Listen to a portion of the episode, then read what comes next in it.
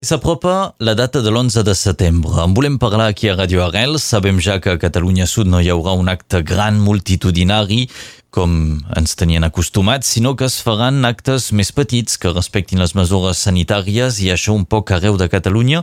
I aquí també a Catalunya Nord, a la vila de Perpinyà, es prepara quelcom, és el que descobrim a continuació. El nostre convidat avui és Hervé Pi, bon dia.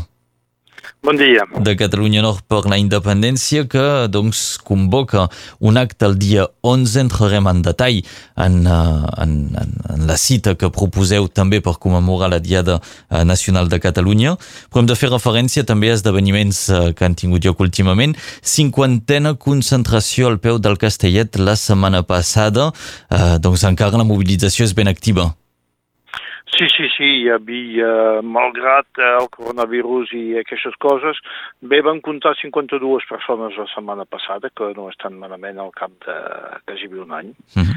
Uh, bé, la gent continua mobilitzada. Uh, haig de dir que aquest dijous segurament que la mobilització es farà a, no es farà pas al Pau del Castellet el dijous a venir, sinó que se farà segurament a la maternitat. Maternitat no serà del la solidaritat de, de sempre, perquè és un acte que és convocat per la Generalitat i per tant respectarem això, però eh, invitarem la gent a, a, a la maternitat. Molt bé, aquesta serà la cita per dijous vinent. Hem de dir que el. Comitè de Solidaritat eh, també és a l'origen d'una exposició de les urnes que torna a estar aquí a Catalunya Nord, a Sant Cebrià.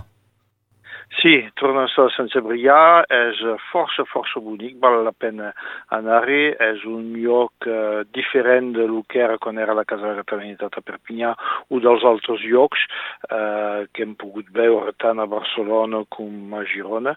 Són sales petites, on cada urna ha trobat el seu espai, el seu lloc.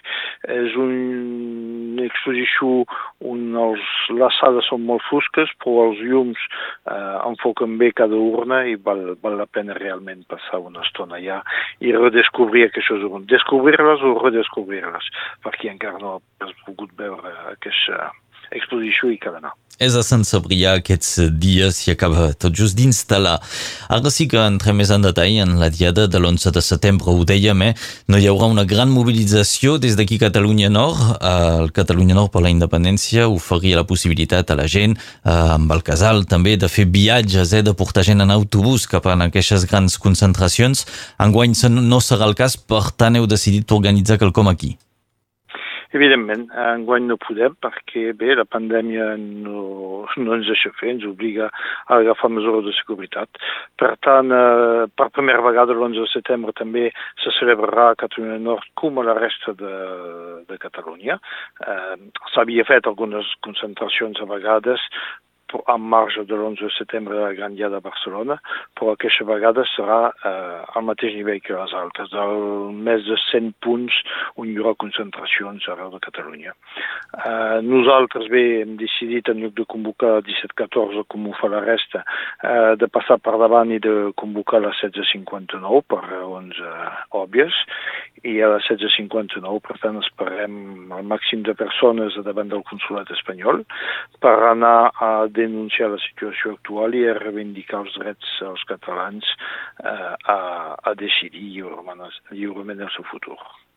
I després aquesta concentració anirà cap al Castellet, perquè allà és un lloc una mica tancat, per tant eh, ens hi veurà poca gent, eh, hi haurà dues parts, doncs, una part davant del consulat, on donarem la paraula als polítics, eh, invitem tots els polítics nord-catalans a venir a dir la seva, i eh, la segona part serà a les 6 de la tarda al peu del Castellet. I al peu del Castellet aquí eh, tindrem, donarem la paraula a responsables d'entitats culturals d'arreu del país i també a cantants, músics i artistes. Aquest és el programa per la de, de l'11, la primera cita, doncs ho dèiem al, a, les 16.59, recordant la data doncs, del Tractat dels Pirineus 1159. En aquest cas, una concentració tornem d'alguna manera als orígens no? de les mobilitzacions que després de les primeres detencions, les uh, mobilitzacions a favor de, de la llibertat dels presos es van fer davant del consulat.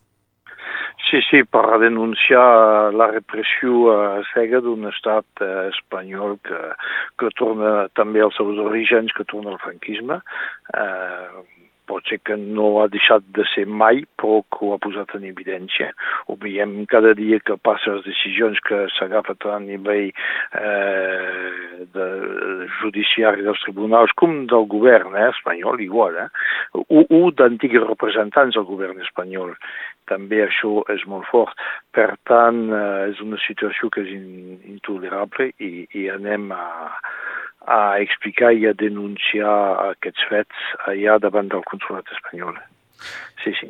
Aquestes tres cites, doncs, davant del consulat, després la caminada fins al Castellet o encara l'acte de cluent del peu del Castellet, totes elles imaginin que necessiten una organització especial en aquests moments.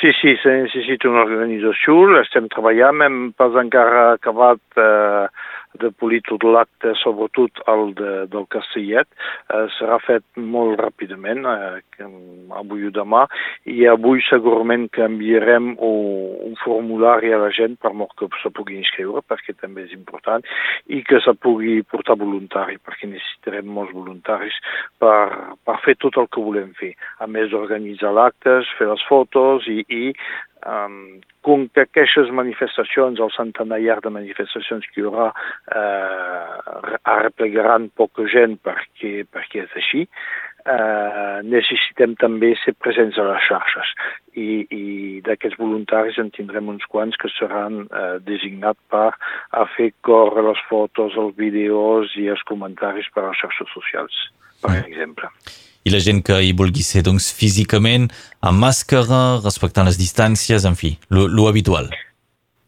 Exactament. La gent hauria de passar primer per la botiga Visco a la llibreria catalana a recollir la seva samarreta, perquè les samarretes hi són i encara n'hi ha. Eh, també tenim uns QRs que serveixen també eh, per les xarxes socials. Aquests QRs els tindrem a la taula eh, el dia mateix, el dia 11, i que portin màscara eh, aconsellat del Consell al, al davant del consulat perquè ja crec que encara no és pas obligatori i, i, i obligatori davant del Castellet perquè el lloc eh, és així, davant del Castellet tothom la, la mascareta ensenyem que som un poble mm, responsable i que seguim les normes que ens dicten els, eh, els, els, els sanitaris.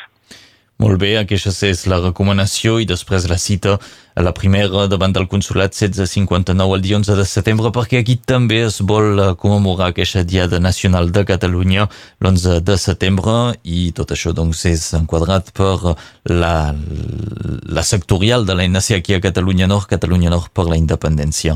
Hervé Pi, moltes gràcies per les explicacions. Moltes gràcies i ens veiem divendres a plaça. Vinga, bon dia. Adiu. Adéu.